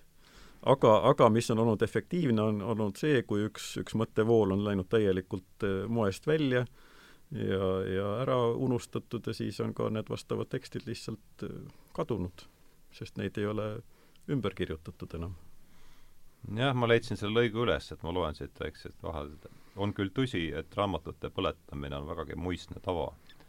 sest vanimad tunnistused selle kohta tulevad juba Periklase aegsest Ateenast ja imperiaalsest Roomast samavõrd tõsi on see, et erinevad mõtteperekonnad ei kohkunud sugugi tagasi idee eest hävitada oma konkurentide kirjutisi. see kehtib nii filosoofia voolude kui ka religioossete gruppide kohta. filosoofidest meenutagem vaid Platonit, kellel oleks meeldinud, et tema rivaali Demokritase teosed ära põletataks. religioonide koha pealt võib meelde tuletada kristlasi, kes antiikaja lõpus korduvalt hereetikute töid hävitasid või keskajal talmutöid tuleridale saatsid. Aga siin on siis üks lause, see ei ole nüüd äh, jutumärkides, see ei ole, see on Caldwelli enda lause ta ütleb, et aga noh, selgelt siis äh, muidugi mm, see on ju retsensioon, et et äh, Mark kionismist lahtiütlemine oli tõenäoliselt Euroopa kui tsivilisatsiooni founding event oleks siis äh, loov sü-, noh, niisugune käpardlikult tõlgitud alus, aluse, alus alus, alusepanija. alusepanija, jah. Ja.. mis sellest mõttest arvate? no see on ikka seesama, seesama Rooma tee, et selle oma teisesuse, oma teisesuse tunnistamine, selle tunnistamine, et Vana Testament oli enne ja ta on alus ja sealt me oleme võtnud. Ja mis siis, et, et me oleme nii-öelda, see on jäänud kaugele ajalukku, me ei heida seda kõrvale, vaid ikka jälle pöördume selle juurde tagasi, et see, see oma erinevate allikate tunnistamine, just selle tunnistamine, et need allikad on väljaspool meid, ütleme selle äh, selle, selle siis Uue Testamendi kreekakeelse veel, seda enam selle võib justkui kuulutada enda omaks. mis ei ole ka muidugi päris aus, aga, aga, aga noh, Vana Testamendiga on see võimatu. mis mõttes ta meie oma on kelle, kelle meie? Nojah, see sõltub sellest, kes meie oleme. no kui me meelest... ütleme, et ta meie on, siis me oleme, olemegi need noh, see, minu meelest on see, see identiteedi küsimus natuke, aga nüüd võib-olla saab... no me ikkagi ei saa seda öelda, sest ta ei ole meie, me oleme ta saanud teiste käest. no võib-olla jah, võiks selle ühe nurga pealt no, öelda nii, et, et, et teistel on ka meile midagi anda ja me olemegi nendelt võtnud võtnud, teistel on ka midagi meile öelda ja me oleme selle endale kõrva taha äh, kirjutanud ja, ja, ja oma raamatutesse kirjutanud. et see teiste aktsepteerimine, teistelt parema võtmine mm,, teiste austamine, see on kindlasti see, mida sa siin püüdsid tõlkida, et et see on pannud aluse millelegi, tänu millele võib-olla meie ka väikerahvana üldse alles oleme ja mulle see akvedukti ja see kalde, see, see kujund on minu meelest väga, väga kena, et aga siin no, me oleme nagu selles mõttes, veel kord, ma olen struktuuri osas jälgin seda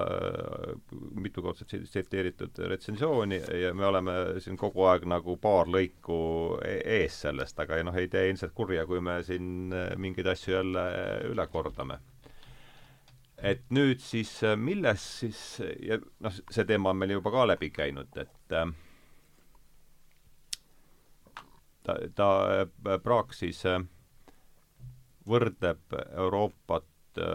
kristlust islamiga, et tuleme nüüd selle juurde tagasi veel kord, me juba natuke rääkisime seda teemat, aga milles seisneb siis nüüd suurim vahe nende Praagi arvates nende kahe religiooni vahel? sest see keele pool oli lihtsalt eelnevast on mulle meelde jäänud, eks, et araablased küll siis, Muhamedid küll tõlkisid need originaalid, eks, aga niipea, kui nad olid tõlgitud, jätsid nad need oma pead ja tegelesid edasi ainult oma tekstidega. ja ka meie siis Euroopa kultuuri põhi niisugune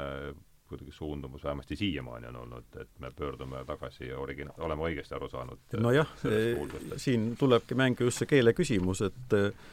Äh, kuna araablaste jaoks äh, või siis äh, moslemite jaoks pühakiri on kirjutatud araabia keeles, siis mis teeb araabia keelest püha keele. Ja, ja ühesõnaga noh, muudab kõik teised keeled selle suhtes ikkagi mm, teisejärguliseks, siis, siis, siis kristliku pühakirja puhul noh, heebrea keelt võib ju nimetada pühaks keeleks, aga, aga see ei ole, see ei ole meie keel vähimalgi määral. ja, ja teiseks on seal, on seal, on seal pealegi ka piiblis kaks, kaks keelt, nii et, nii et ei ole seda, ei ole püha keelt. ja, ja tegelikult ka heebrea keel ei ole selles mõttes, ta ei, seda ei ole peetud pühaks keeleks. ja, ja veel vähem on seda muidugi ladina keel mis ei ole kunagi endast seda arvanud mm. -hmm. et et see, milleni ta jõuab välja võib-olla sellelt teoloogiliselt pinnalt natukene mujale minnes, on, on üldse see huvi muu maailma vastu, mis on, mis on tema arvates midagi väga roomlikku ja, ja siis sealt ka euroopalikku, et et niisugune maade avastamine ja mujale vaatama minemine, et see, see on miski, mis, mis näiteks Araabia maailmas oli tema järgi suhteliselt äh, üllatav, et noh, miks tuleb mingi inimene kuskilt sealt äh, läänes, sealt metsikust läänest, noh, see lääs oli sellel ajal araablaste jaoks pime ja metsik ja, ja tahumatu ja ebakultuurne, mis ta ka mingis mõttes oli, ja tuleb, noh, see, muidugi need reisijad olid juba natuke hilisemal ajal ja siis ta enam nii pime ei olnud, et tuleb siia nüüd meid lihtsalt vaatama. lihtsalt vaatama, kuidas me elame, et mis, mis mõte sellel on ja tunneb huvi. ja tunneb huvi. mida me mõtleme ja, ja kuidas me ja, mõtleme, et seal ja. on niikuinii midagi taga mm. -hmm. no ja. hiljem selgus, et oligi praegu muidugi ütleb ühe ilusal, kaks ilusat lauset siin, mitte ainult kaks, vaid, vaid lihtsalt selle, selle teemaga seoses, et Kristus eristab ajalikku ja vaimset, religioosset ja poliitilist. siin võib talle vastandada islami kristlus keeldub olemast ühtlasi usk ja riik, nagu seda on islam mm. ja siin on minu meelest ka võti. noh, see riigi ja kiriku, see kahe mõõga ja, kahe mõõga ja kolme seisuse idee, eks, on no, üks mida äh, Luter väga tõsiselt hakkab rõhutama, et, et mis ei ole ka katolikule kirikule alguses ju olnud mitte, mitte võõras, aga see kuskilt lihtsalt läks nii, et, et valitsemine läks kuidagi ka, ka kiriku kätte ja kirik hakkab kamandama nendes asjades ja nii edasi, aga see kahe riigi õpetus, kahe valitsuse õpetus, kahe mõõga õpetus, et islamis äh, nii-öelda pürgitakse rohkem ikkagi selle poole, et, et vaimne peab äh, kõike muud ka valitsema, et muidu läheb asi untsu mm. -hmm. et imaam peab ikka ütlema, kuidas asja edasi teha, eks ole, kas mm, -hmm. kas Ameerika on vaenlane või ei ole vaenlane või kuidas me nüüd edasi tegutseme ja mm -hmm. jah, et see andke keisrile, mis keisri ja jumalale, mis jumala, see, see kahe ja, ja jumala riik ja inimese riik ja siis mil, ja, ja, jah, et minu, Augustinus minu riik ei ole siit ilmast ja jah, need, see kahe, kahe riigi need Jeesuse laused jah, annavad nii tugeva põhja sellele alla, et siin ei olegi mõtet nagu millestki targutada, et et ta ütleb kogu aeg seda, kui talle öeldakse jah, see, millele ta no praegu viitas, et maksuraha küsimus, maksuraha küsimus, eks ole, et ta ütleb, et näidake, neid, temalt küsitakse, et kas, kas keisrile peab andma, noh, kas peab niisugust asja tegema, näidake seda. näitavad, nendel on taskus siis keisri pildiga raha, ütlevad, andke see keisrile tagasi, siis piltki peal, eks ole, et mis sa hoiad enda taskus siis, kui sa niisugust kiuslikku küsimust oled esitama et, et, et Jeesus väga selgelt teeb need asjad selgeks ja siin ei ole võimalik kuidagi teistmoodi mõelda, kuigi kiusatus on ju alati olnud, eriti kui veel tullakse sinult nõu küsima, et et äkki hakkaksid aitaksid mind, et siis ja Mark ja, ja autor ütleb ka väga ilusasti, et, et kirik aeg-ajalt peabki seda tegema, kui ilmalik võim ei saa asjaga hakkama ja vajab abi, eks ole, aga noh, siin on jälle see piir, et võib-olla kiusatus arvata, et ei saa parasjagu ja lähengi, nii nagu praegu võib-olla eestlased mõtlevad, et et ise saaks riigi valitsemisega palju paremini hakkama kui see kolmikliit või midagi taolist, eks ole. jah, ta ütleb väga selgesti seda, et, et et see vaimne võim või siis kirik ei saa kuidagi astuda ilmaliku võimu asemele. Mhm. -huh. et ta noh, isegi juba selles äh, nõu andmises, nõuanded üldiselt ei ole kunagi nagu erapooli-, pooletud ega, ega omakasupüüdmatud, et ka selles äh, noh, ühesõnaga ta ikkagi saab olla eeskuju mm. -hmm. Mitte, et ma nüüd lähen siis õpetama, et nüüd noh, seal väga lähedal on tegelikult seal see, et sa, et, et tuleb kiusatus seda ilmalikku võimu ikkagi juhtida no mida, mida, mida on kiriku ajaloost ju mis see, see kiusatus on, on lakkamatult olnud ja, ja ja seda on ka järele antud, eks. ja sellele on ka järele antud üks ja teine kord. ja, ja., ja muidugi on ka see vastupidine kiusatus, mis on olnud riigil, see vaimne pool või siis mida me, näeme, mida me näeme praegu eriti, mulle, mulle oma, tundub. noh, ma ei, ma ei tea, kas praegu rohkem kui, kui varem, aga aga aga see, see jah, siis ajalooliselt kiriku allutamine riigivõimule mis osalt oli ka tegelikult reformatsiooni üks tagajärg oli tegelikult see, et kirik läks, läks riigivõimu alla, ta kaotas oma autonoomia jah, mindi kaugemale, kui esialgu oligi mõeldud. mõeldud oli see, et lahutame ära, aga mm, -hmm. aga mhm. siis see, kes, kes sai selle võimaluse olla lahutatud, võttis selle teise, kes talle selle võimaluse andis, enda alla ja hakkas määrama, milline vaimulikkus kohta ja, ja, ja mida võib ja mida ei või ja ja kuidas peab ja kuidas ei pea. jah no nii, meil on siin nüüd kurb kogemus ühest saatest olemas, kus ma ei ole päris kindel, aga on väga võimalik, et üks saatekülaline jäi pärast rongist maha, et äh, jutuajamine läks nii äh, niimoodi huvitavaks, et, et seda nüüd ei juhtuks, et ma tean, et Jaan peab minema intervjuud andma siin kõigepealt, et katsume mingi veerand tunniga selle asja tõmmata kokku. ja, ja siis siin ongi kaks, kaks teemat võib-olla jõuame et üks on siis see, kus Caldwell räägib selle raamatu olulisest, olulisusest tänapäeva jaoks, et see, sellega võiks siis ka lõpetada, aga enne seda ta tsiteerib siin ka lause, mis mulle hommikul, kui ma selle arvustuse uuesti üle lugesin, jäi mulle silma, et et ma saan aru, et see on nüüd Praagi tsitaat, et me võlgneme siis noh, euroopaliku kultuuri inimestele, kes uskusid Kristusesse, mitte inimestele, kes uskusid kristlusesse.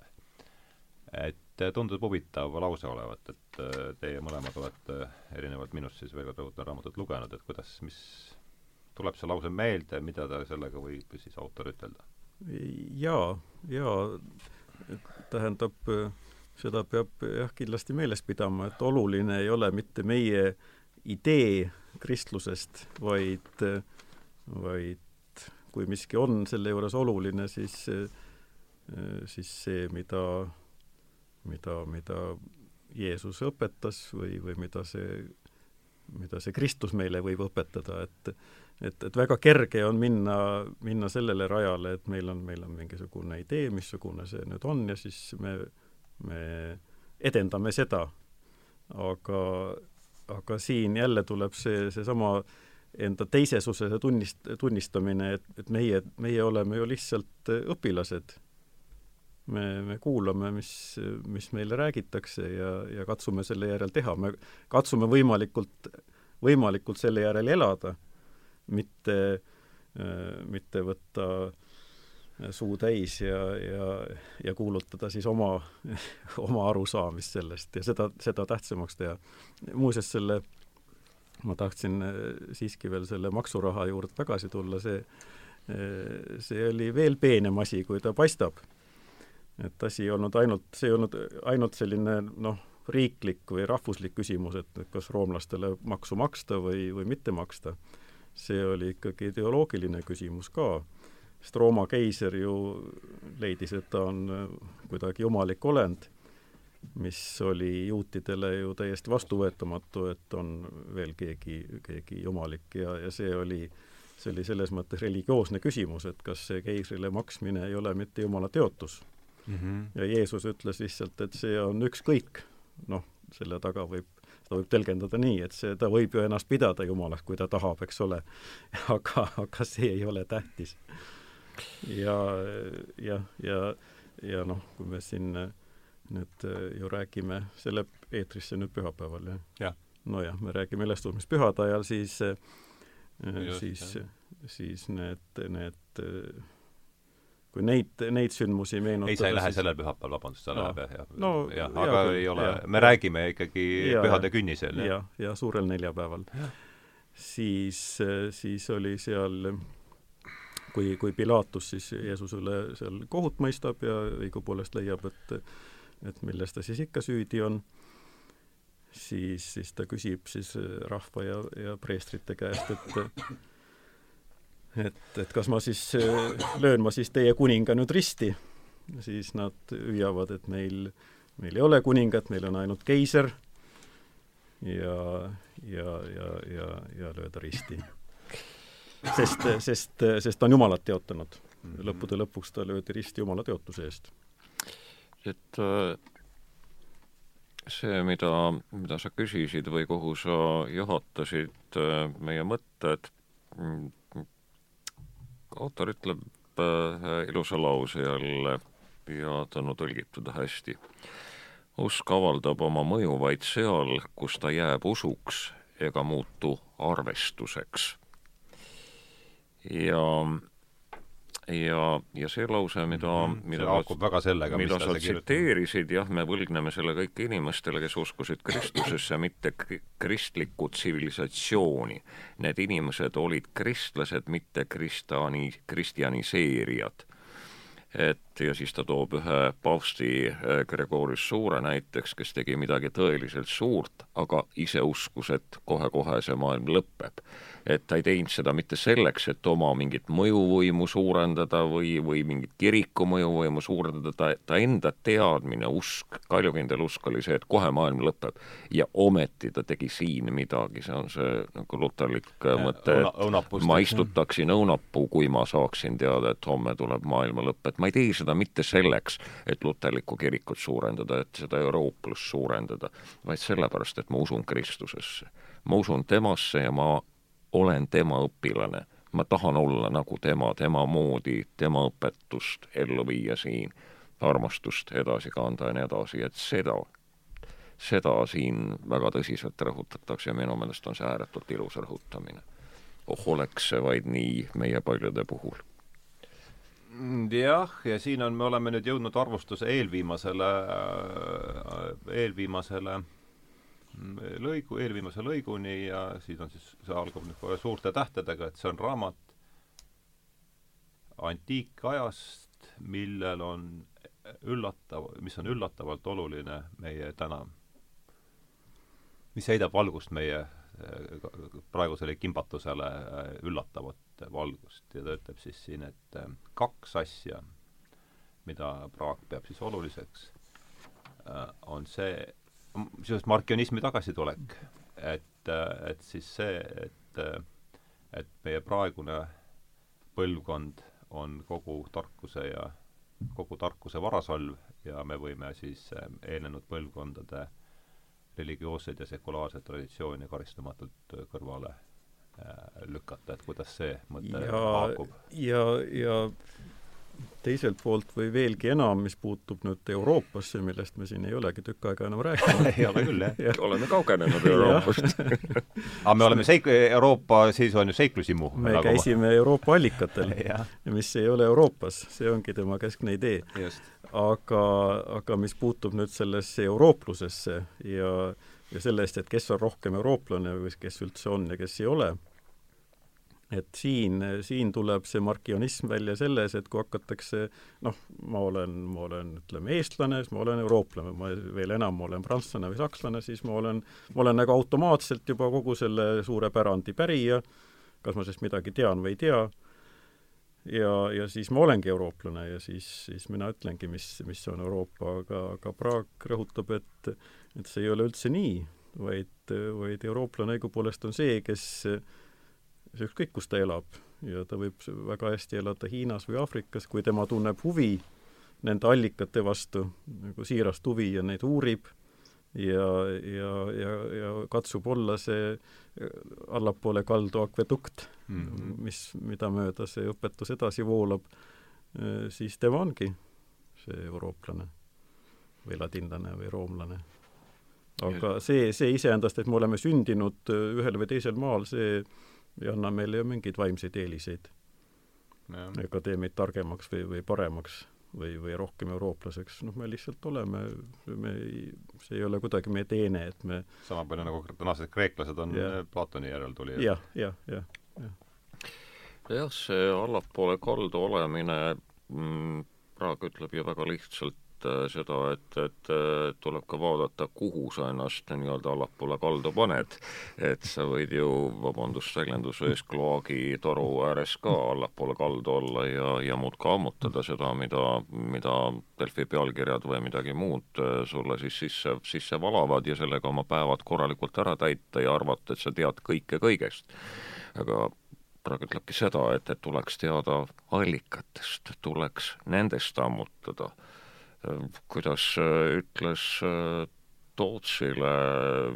Tootsi isa, kui ta ütles, et nad on naisega mõelnud anda siis see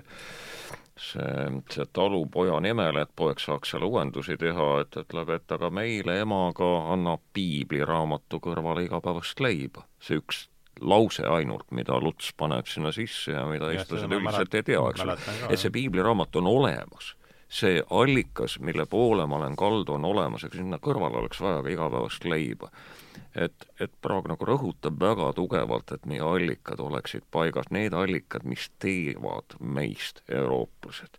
Ja kui meil on need allikad, need ühised allikad, siis meil on ka siin laua taga millestki rääkida. meil on väljaspool mõne teise eurooplasega millestki rääkida, kui natukenegi keelt on, me, meil on mingid ühised huvid, mingid ühised mõtteviisid, mingisugused ühised arusaamised, me läheme sinna seni kaldale ja laulame Maarjale kõik üheskoos, vaadates põlevat kirikut. meil on üks tekst, üks tüvitekst, eks ole, üks, üks laul. Et me võiksime küsida, mida eestlased kõik üheskoos laulavad. ma ei räägi laulupeost, ma räägin sellest, et lähevad kõik kokku ja laulavad nüüd ühte laulu algusest lõpuni. keegi tark mees käskis, et me peaksime nüüd lõpetama Eesti hümnist viimase salmi laulmise intervjueerija küsis mu käest, et mida ma talle ütlen, ma ütlesin, et lase tal teist salmi laulda, ta ütles, et ta on ära unustanud. et kas meil on see tüvitekst olemas, üks laul, mida me laulame siis, kui me oleme hädas, üks mõte, mille juurde me jõuame, kui me oleme kriisis või kui me oleme ka kõik ühiselt rõõmsad, mitte see, et, et raiume ennast läbi laulupeo rasketest lauludest kooridega ja saame sinna kaare alla vaid kas meil on ühislaulmise tekste, ilma et paber ette antaks mm,. See... ühine allikas, vabandust, et ma nii kaugele läksin, aga nendest näidetest on ju võimalik aru saada, ma usun. jah, ja võib-olla, et nüüd äh, ka kuulajale ette mitte liiga kõrgeid eesmärke ja kättesaamatuid panna, et, et äh, paraku ei, äh, ei saa ma siin ennast küll kuidagi eeskujuks tuua, ei oska mina kreeka keelt kuigi palju, hebra keelest rääkimata, et paraku on minu jaoks ka need need, need allikad siiski kättesaadavad peamiselt tõlgete kaudu, aga noh, ka see on midagi siiski, et ka piibel, ka et, piibel. et siiski tänapäeval ja siin selles maailmas tasub rõhutada sedagi, et, et lihtsalt ka raamatuid lugeda on, on siiski rohkem kui, kui sedasama, no ühesõnaga päevauudiseid ja veel mida. et äh, et seda tasub ka noh, ikkagi meelde tuletada aeg-ajalt, et sealt on midagi saada. Ja see on miski selline, mis noh, mis aitab meil elada. Päriselt, mitte mm. ainult ei, ei eruta ega lahuta meelt ja kuidagi ei, ei leevenda meie te tegelikke või väljamõeldud vaevasid. Mm